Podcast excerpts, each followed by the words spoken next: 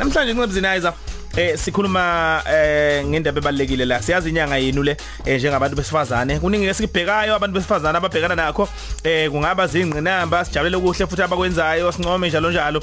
Eh sikhulume nabanye kabenza izinto ezihlukahlukene abasemkhakheni ehlukahlukene. Namhlanje sikhuluma nabesifazane eh imbokodi impela nayo eh eh ongabesifazane abathengisa ngomzimba. Eh abesifazane laba ungajwayelekile ukuthi bakhulunye nabo isikhathi esiningi. Bahlale bezitshwa nje uma ngabe kukhona izinto ezithize esenzekayo kanti into lekhona eyenzekayo abantu abayiphilisa nje ngokuthengisa noma ngokudayisa umzimba. Sikhuluma nabo ke eh namhlanje. Ke siza ukuthi ngabe eh lokuphila bakuphilayo babhekana kanjani nakho? Eh uyazi khathide omunye umuntu angathi awu sengaze kuthiwa abantu abathengisa ngomzimba. Eh i- ilona teme lamukelekile ngoba eh uma ngizobeka nje ngo ngo- ngo- ngo- ngesingisi ngeke ngilisho leli liqala ngo S kodwa Yeah. kuthiwa S workers ngeke ngilisho Yeah. phela khona kulalela izingane manje ziye esikoleni. So ezinye izinto sesithatha sengathi mhlawumbe awu sekusale sekubekwa nje kunekwe nje kanjalo Yeah. kanti wona amagama abaluleki akuyona amukelekile ukuthi siwasebenzise la so besixoxisana nabo ke odadewethu kunjalo beke indlebe ke uze uthi ngabe kuhamba kanjani. Umsakazi wakho hamba phambili ukhozi FM kanti so ukhozi FM imzuzu njama njengamashumi amabili nesishiya galombili ngemva kwehora ke lesikhombisa sikhuluma ke no dadewethu la eh abangabadayisi bocansi eh njengoba kunencebe bese kade ke eseyithulile indaba. Eh ukhona ke eh, usisimbali ukhona nosisi ukhanyi. Siqale ngosisikhanye sisikhanye kunjani? Ngikhona ninjani? siyaphila siyaphila dadewethu kuhamba kahle kodwa Sikhamba kahle kahle. Siyaphila. Siyajabula kakhulu ukuthi nibe nathi namhlanje kuseni emsakazweni ukhozi FM. Siphinde sibingelele no Sisimbali. Sisimbali kunjani? Ngiyaphila ninjani? Siyaphila, siyaphila nathi. Ngikhona nami. All right. Eh ngokuhlala nangokusebenza nizinze khona la eThekwini. Yebo sinzela eThekwini.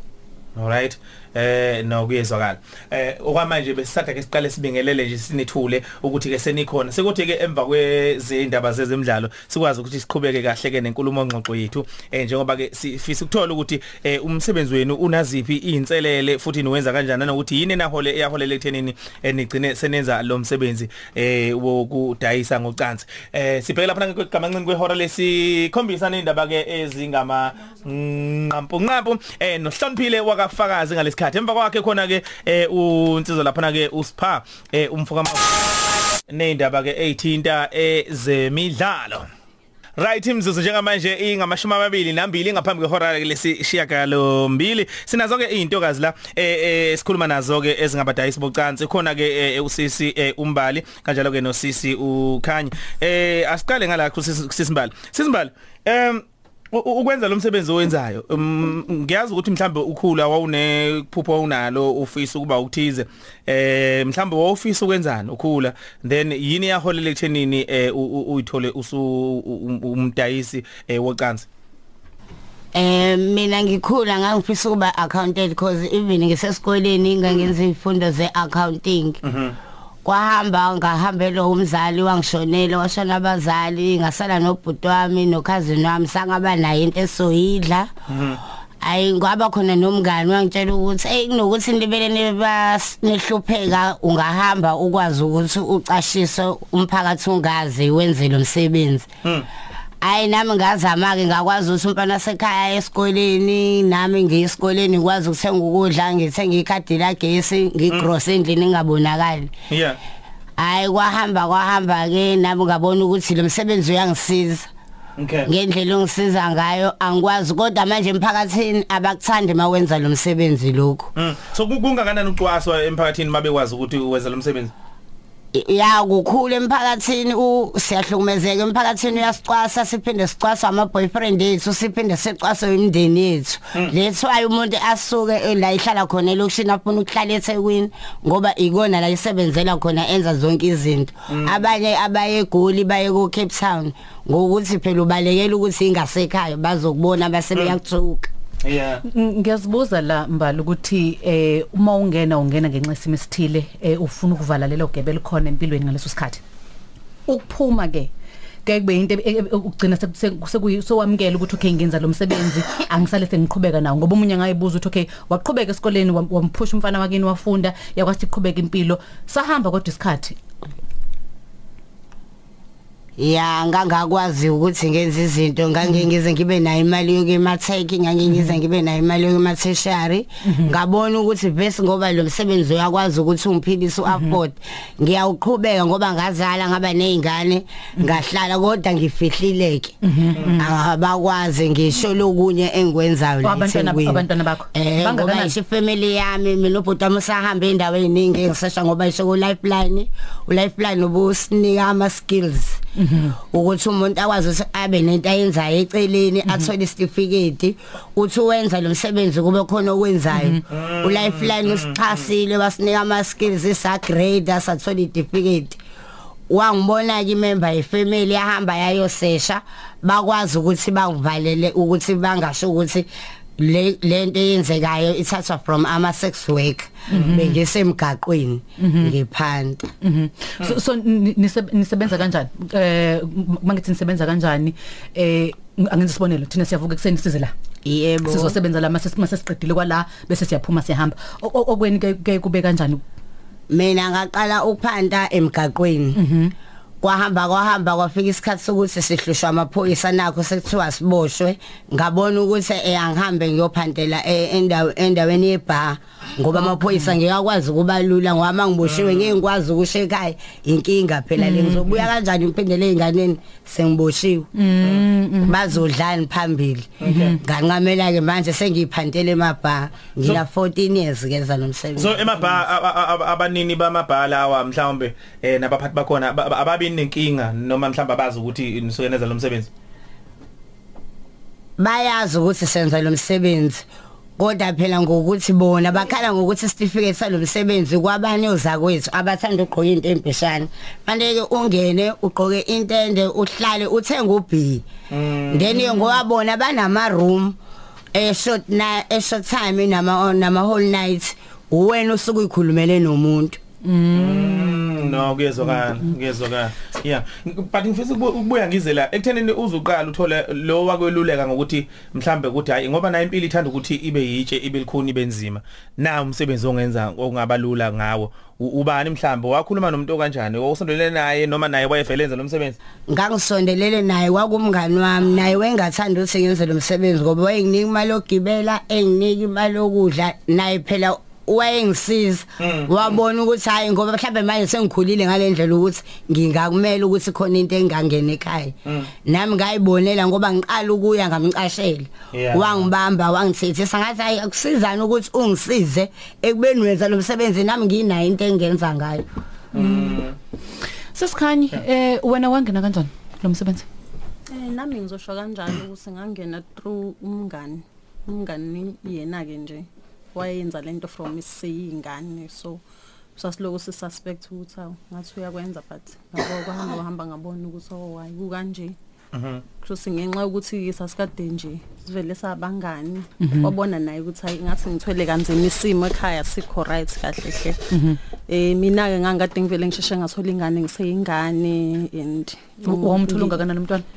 At my teenage ngangino 17 years wono 17 Yes. okay so ungene usungale ka 17 years kulo msebenzi ngingene nje eminyakeni embalwa kodwa edlule because ngazama nje ukuhlanganisa lapha nalapha impilo ngaphesha umatric eh ngazama ngabamba amatoho here and there kubuye kuphele kubuye kuphileke kanjalo. Kwaya ngokuya ke kwaba khona la isimo esingcindezela khona ke manje ngizwe ukuthi okay since noma akasekho emhlabeni angisazi ukuthi ngizomisa kanjani because sometimes ezinye izinto ziyenzeka if uzo kunanomzali la usizakala khona lapha nalapha. And isi- impilo ayibilula if uzoqala ngokuthola umntwana empilweni nje. Engazi ukuthi u- izinto zakho ngazenza no because e- even if you fall if unu- unganayo umuntu okufanele umfide isimo asibi nzima kakhulu so Yeah. ngacindezeleka kanjalo ke then from there ke ke ngaxhumana nabangani umngani wangifaka lapha nalapha sayi awukwenze kanje then kwaba kanjalo ke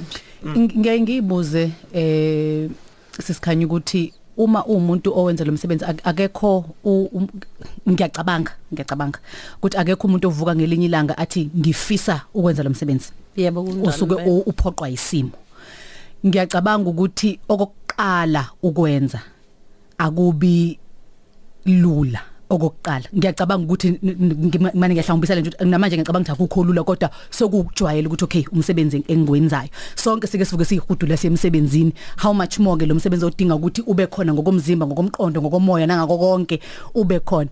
Eh u- wena wenza kanjani ukuthi ukwazi ukuthi ngokuhamba kuhamba kwesikhathi loko angi- angazi ukuthi nanokuthi ngathi umuzwa onjani khathide ukusaba Mm, yeah. ukuthuka konke lokho.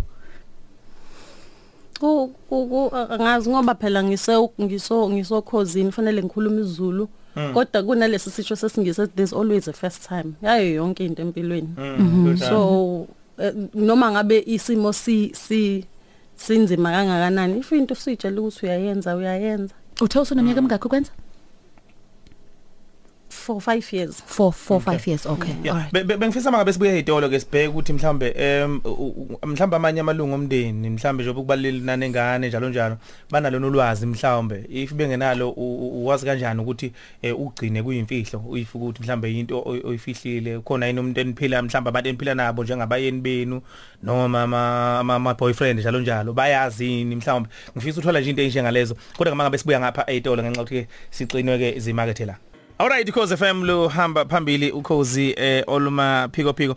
Eh sisikhanye siya eyidolo sikade sise nombuzo la wo- wo- wokuthi eh amalungu omndeni analo yini ulwazi? Sizwile la usizimbali echaza ukuthi cha yena isiqiniseko sokuthi abazi eh bayakufihla lokho kodwa naye ngisafuna ukuthola ukuthi mangabe ukuthi mhlawumbe unalo isoka noma umyeni unalo nolwazi ngalomsebenzi eh ku- kumi kanjani ngakwena Eh, eh, Yebo Eh, sikanye N- kus- mina ngukhanyi yebo isoka nginalo. Mhm. Andiliyazi ukuthi ngenza muphi umsebenzi ngoba kwafanele kwangiphoqa ukuthi angihlale phansi naye ngikhulume naye ngimtshele ngesimo sami sempilo. Since azi ukuthi ngine baggage vele nje ekhaya ngi- ngi- nginomndeni kufanele ngunakekele. Angeke akwazi ukuthi anakekele mina aphinda anakekele umndeni wami. Kufanele ngiyimele.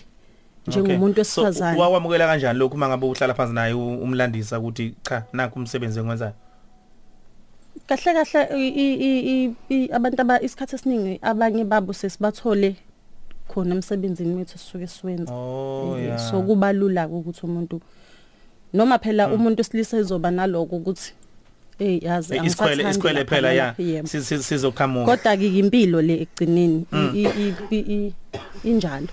Manje e- ekhaya wena bayazi. Cha. U Okay.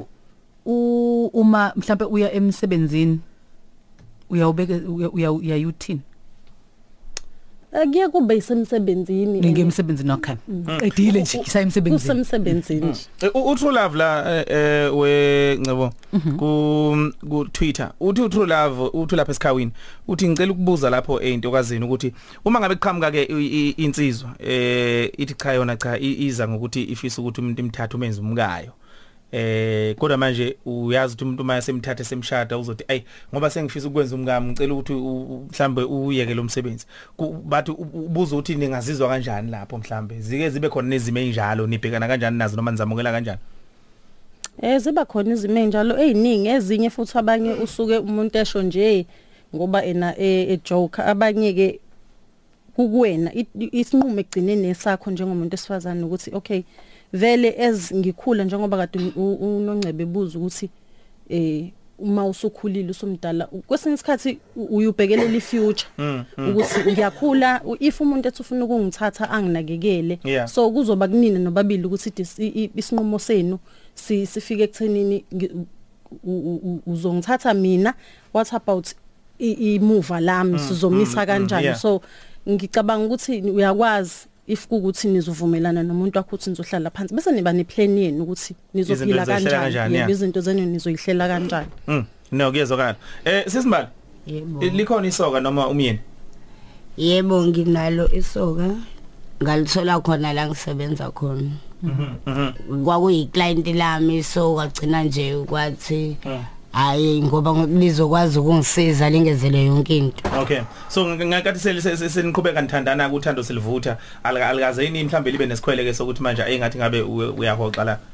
ya kuye kube khona lokho phela bonke abantu besilisa akekho umuntu ongathanda into yakhe noma kufica lapho kodwa manje idingo wena unazo ngeke akwazi yena ukwenzela and uma usujwayele ukuba nento yakhe ephaketheni ungasa ungajwayele ukucela ngeke umane uhlale nje ulinde yena ngoba ngeke kunike le mali enaledingo lezi Okay.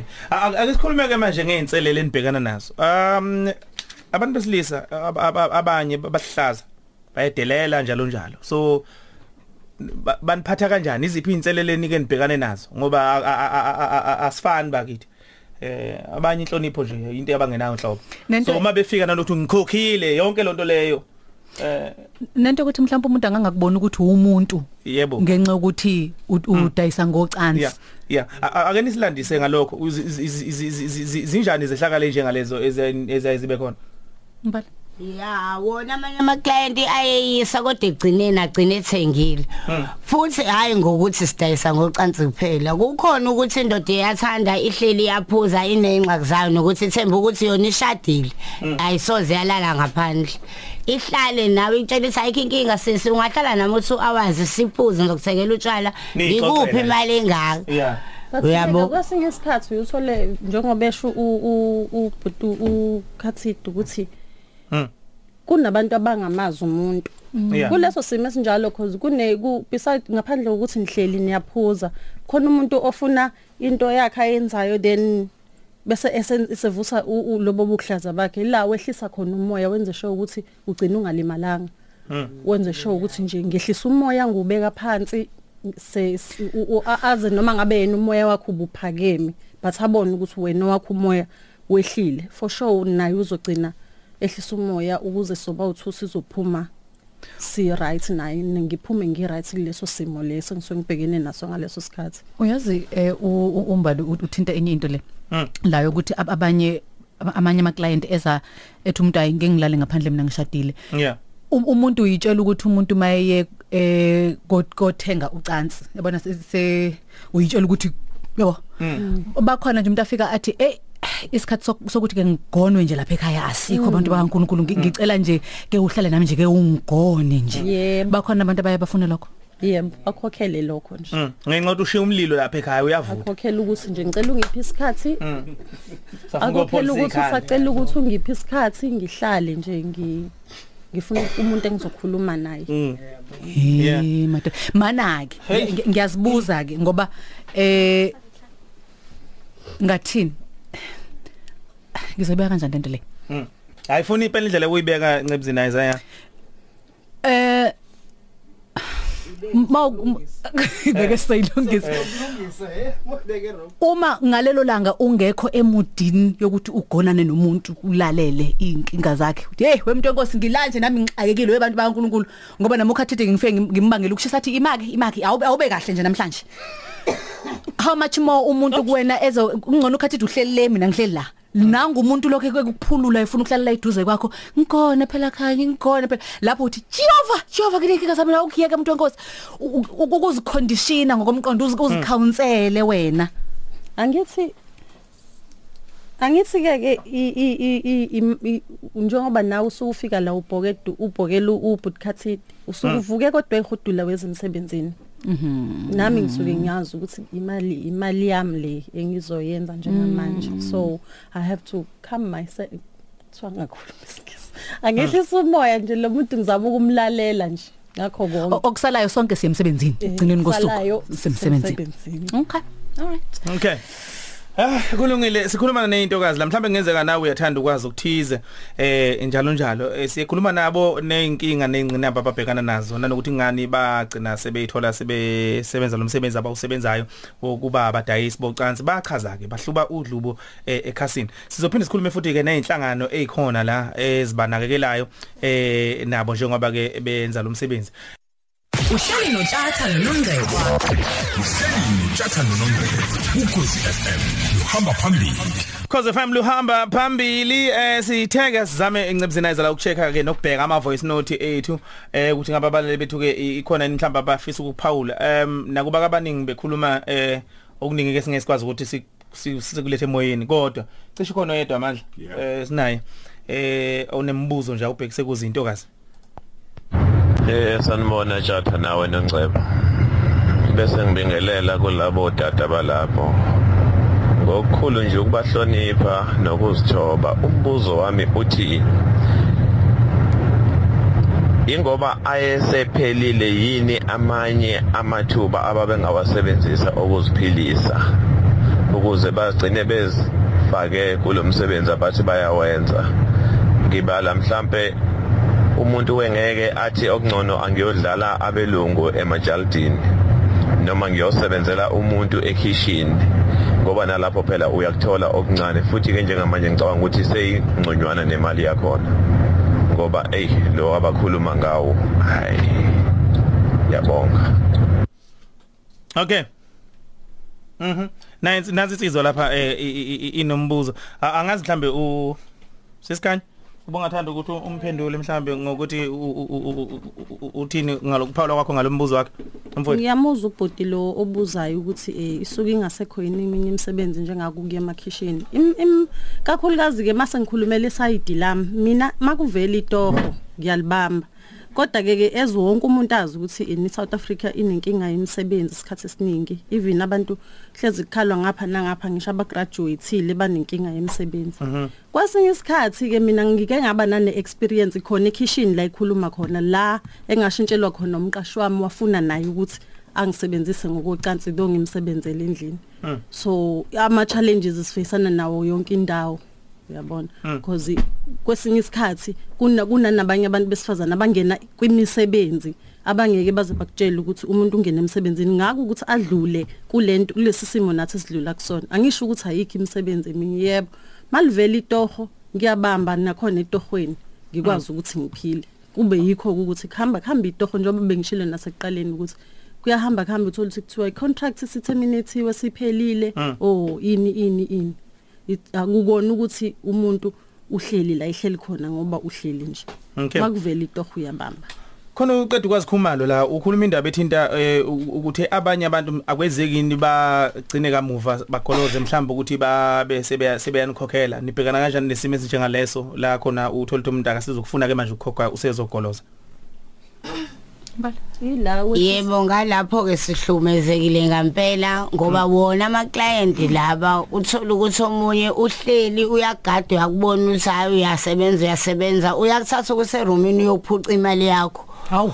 Uzofika akukhokhele akudrage noma ungaphuza idrink noma ungaphuza ubhi uzokwenza sure ukuthi uyakudraga uphuze nibe right and enjoy ulale ahambe nale akunike yona aphinde athathe nale eyakho. Unzima bese kwamakeni kokhokheleka abanye bayaskinya emaroomini and akukho ubuse emabhanga ngoba umnikazi webha akanaso isitifiketi samantombazane. Unemvumo yokuthi yena unama room notshwala. Unehotela nebar kunzima kakhulu. Kodwa wona ama security akhona kodwa ayikho safe ngoba noma kuthiwa usuvelelwe inkinga yepolice station sinenkinga abas attend ngendlela. Fanele size sicela usisonke usiphelezele sambe nawo ukuze bes attend wona ama client ayasihlukumeza ayasitshontshela ayasikinya ayasibulala. Kunecala nje besilihamba seMarisburg intombazane yathathwa umuntu Okay nakwemsayinela ukuthi sengathi leyo Yeah. akulungile ukuthi ikhulu Okay ikhulunywe sengisholo ukuthi nje ayasihlukumeza kakhulu. Siyavelelwa inkinga eziningi kodwa manje siyabekezela ngoba sixakekile. Ngixakwa yilo okhuluma indaba yomsebenzi. Umsebenzi esikhathini samanje ngathi kuhlula abaphuma e-university abaphuma ema-college iy'ngane zethu ezifunda nge azothola umsebenzi nazo. Besasizowuthathaphi ngaleso sikhathi ngoba kwagcina ogogo bethu indaba yasemakhishini. Ngoba kuyibona kwaqala ukuregister sebengena o2 days 4 days ngoba isho mama bethu abatholanga ithuba lokuthi bangene emakhishini. Angazi ucabanga kanjani ngoba ngiyacabanga lapho mhlawumbe uhleli nabashana abawu4 abangasebenzi. Eh uya- uyazi njobe u- u- umbale ekhuluma indaba eh yokuhlukumezeka we- wekhathide Yeah. eh ziningi indlela zokuthi umuntu akuhlukumeze khona ukuhlukumeza angalihloniphi ilungelo lakho. Yep. ilungelo lakho lokuthi ucela ukuthi kusetshenziswe ijazi lomkhwenyana. Mm, kunjalo. Eh kuke kwenza ukuthi nihlangabezana athi umuntu nje hayi ke dadewethu isidalo sami nje angihlangana nalonto mina. Futhi njengoba ngikhokhile nje futhi ngeke ngikho- ngikhokhe bese Yeah, ngithi yeah. kufakwana namajazi la. Because nang nangumlaleli wethu la uthabe Dlamini eshowe ubekade ebuza umbuzo ofanayo naye. Ya ijazi siyazama ukuthi bal- siba- balifake ngoba ukhona uTBK uyakwazi ukuthi asinikeze amakhondomu awulethe ne nala sebenzela khona. Kodwa inkinga yethu umunye umuntu kabona ukuthi uzobona phela ngoba engalifakile la may communicateile nawe wacela ukuthi ningalisebenzisa ijazi wawadeny uyazama athi shaya idog style ngoba phela usuku ungaboni. Kwenzeke yonke ke into errong mhlawumbe nje sesizoyisonga ingxoxo yethu bekusafanele sizwe nakubona bakasisonke ukuthi balekelela kanjani. Ngiz- ngizobuza lo mbuzo ngoba uqhamuka kumlaleli. Yeah. kodwa obhalile uthi ucela singalidalula igama lakhe. Okay. eh akuphoqelekile ukuthi niuphendule lo mbuzo. Ubuza njengomuntu wesifazane. Uthi njengomuntu wesifazane fanele ube sesimene sithile somqondo nomoya nomzimba ukuze kuvume. Uyayibona? Nenza kanjani? Ak- akuphoqini ukuthi mhlawumbe kube khona nikusebenzisayo ukuze yabo ngoba Mm ukuze ukwazi ukusebenza. ukuze kukwazi ukuthi ku- ku- kusebenzeke ngoba eh yeah kuya nokuthi u strong kangakanani emphefumulweni izinto ezikanjalo but ke ezisazi ukuthi eh uma umuntu wesifazane unalenkinga ukuthi kufanele njengoba esho kufanele ube semoyeni othizeni uh thina ezi sisebenza kuyakuphoqa ukuthi ngisho bekuthiwa awukho emizweni awukho kuleso simo leso kufanele ube kusona. Njobo usuku usebenzisa futhi nejazi isikhathi esiningi. So osisonke no no sweaty bas provide ngezinto enjengama lubricant so if ukuthi ususe emsebenzini and nomoya wakho awukho kwi awukho semizweni noma mhlawumbe khona ekuthikamezile nje emqondweni ethatha umqondo wakho awu awu eh ukuthi ke kuhle ngoba usukuyisebenza uma ngabe ubona ukuthi kungaphezulu kwamandla uyakwazi ukuthi hayi awuthi ke ngithi uthatha ikhefu ngiphumule Alright. Eh, udadewethu kwasisonke sengathi befisa ukungena ku- ku- kuleyo ndawana? Eh. Eh nge- Yeah. so eh ngizocela ukuphendula umbuzo obuziwe ekugcineni. Eh njengoba sazi ukuthi osisi aba abasebenzayo bayayisebenza abaqashiwe. Umuntu usebenza ngelanga yena ayikhethele ngalo ukuthi hayi namhlanje ngiyafuna ukuyosebenza. Kusasa mangabe ngingayimiselanga ngokuya kosebenza angiyi. Akukho umuntu ongiphoqile. Okay. Oh. Alright, kezwakala. Eh kulungile ake sithi ukuya ku Anda mfowethu Mswele sokwazi ukuthi siliphethe kahle udaba lwethu mase sibuye tolo. Asiphinde futhi sixolise kakhulu kumlaleli kumlaleli ekhaya. Eh sixolise ngokuthi amanye amagama kungenzeka ukuthi awafiki kahle endlebeni anokwesinda. Siyaxolisa kakhulu lapho bakithi. Eh liqhoshwa libhekile. Eh ya, eh udaba esikhuluma ngolucayi vele. So kuzokwenza ukuthi amanye amagama aphunyuke njengoba singapheleleke eh kuyenzeka lokho. Sithi ke yobe ayidlishiyele akho soka lingenasici.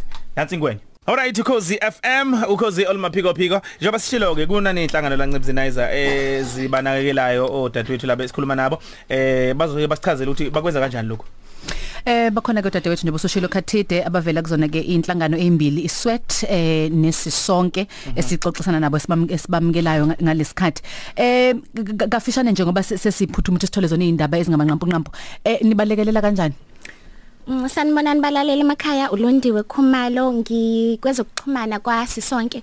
Osisi sibalekelela ngokuthi sibanikeze ukwelapheka komphefumulo njengoba nje siyazi nature yomsebenzi aw- abawenzayo ukuthi bayadinga ukuthi balulekwe ngokomphefumulo. Eh usisonke futhi umele ukuthi si- silwela ukuthi umsebenzi wabo sisi eSouth Africa ugcine usem- ususemthethweni ngoba ukungabi kwawo semthethweni wenza ukuthi amalungelo abo ahlukumezeke kakhulu Ba- sibabona behlukunyezwa amaphoyisa sibabone i- i- i- ama health services kwe like emtholampilo.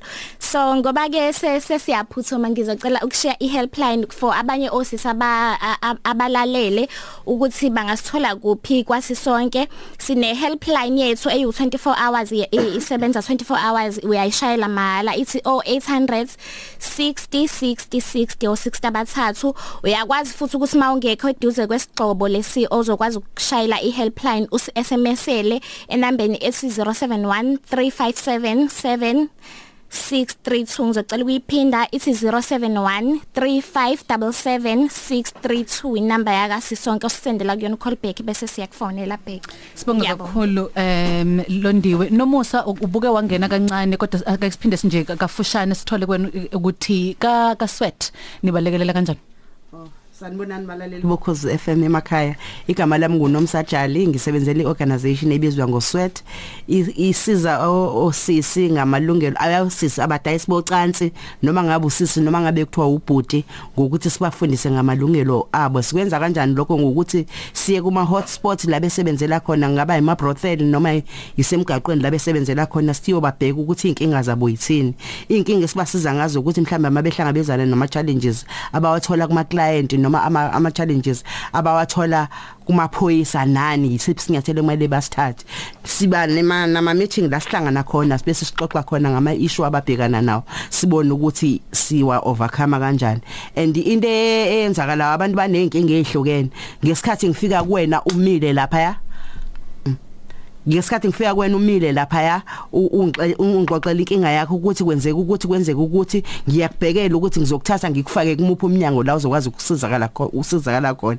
And ngikunikeza ama basic ama human right ukuthi yikuphi okufanele kwenzeke kuwena yikuphi okungafanele kwenzeke. As much as ukuthi siyazi ukuthi umsebenzi abawenzayo awukho emthethweni kodwa akekho umuntu ongaphezulu komthetho ukuthi nafanele ahlukumeze ilungelo labo. Alright so nithola kanjani nini? Sithola inamba iyona la Oh, la ishilo ishilo, okay. eh ioffice lethu osisi abaneyinkinga anganqeni umuntu ukuze office lethu ioffice lethu lisede yakhona ku rooms number 17 eh ku San Andrews. eDiacona of Churches Alright. la eThekwini ungaza uma unosisi nenkinga noma u- ubhuti onenkinga uzobika inkinga yakho sizokwazi ukuthi siyisukumele siyenayo phambili. Siyabonga kakhulu ngenza kwethu eh, ngokuthi nibe nathi ngalesikhathi siyabonga. Sibindi senu sothini sokhuluma nathi siyabonga kakhulu bo- bo- bodadewethu. Sengathi eh ningaphila. Eh ya sibashilo ke bakethi nje obuzulelalela ukuthi izimo zokuphila ezinzima ziye zabenza bathatha isinqumo sokusebenza lo msebenzi. Kunje ngoba iBhayibheli lisho eh kwincwadi ya- ya- ya- kaTimotheo uqala isahluko eh esesithathu ivesi lokuqala. Impela Timotheo wesibili sahluko sesithathu ivesi lokuqala ukuthi ukuphila ensukwini zokugcina kuyoba nzima. Kube bucayi ubhekana nakho sikubona ngamehlo lokho. Kunzima ukuphila kulula neze.